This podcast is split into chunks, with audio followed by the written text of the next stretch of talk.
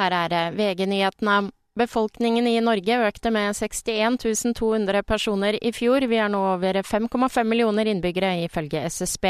Ukrainske statsborgere bidro sterkt til veksten. På to år har tallet på ukrainere i Norge gått fra 3600 til 65 800.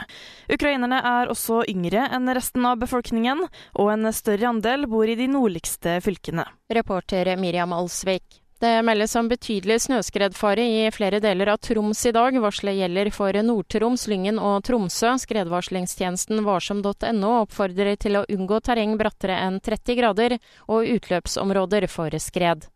I Colombia har geriljagruppen ELN trukket seg fra fredssamtaler med myndighetene. De beskylder myndighetene for å bryte grunnleggende regler for samtalene som startet opp i 2022, melder nyhetsbyrået AFP. Kong Harald fyller 87 år i dag. Ifølge Slottet blir det en privat feiring. En meningsmåling gjort for NRK viser at nærmere to av tre nordmenn støtter kongens beslutning om å sitte livet ut. To av ti mener han burde abdisere. I studio, Kristin Strand, nyhetene får du alltid på VG.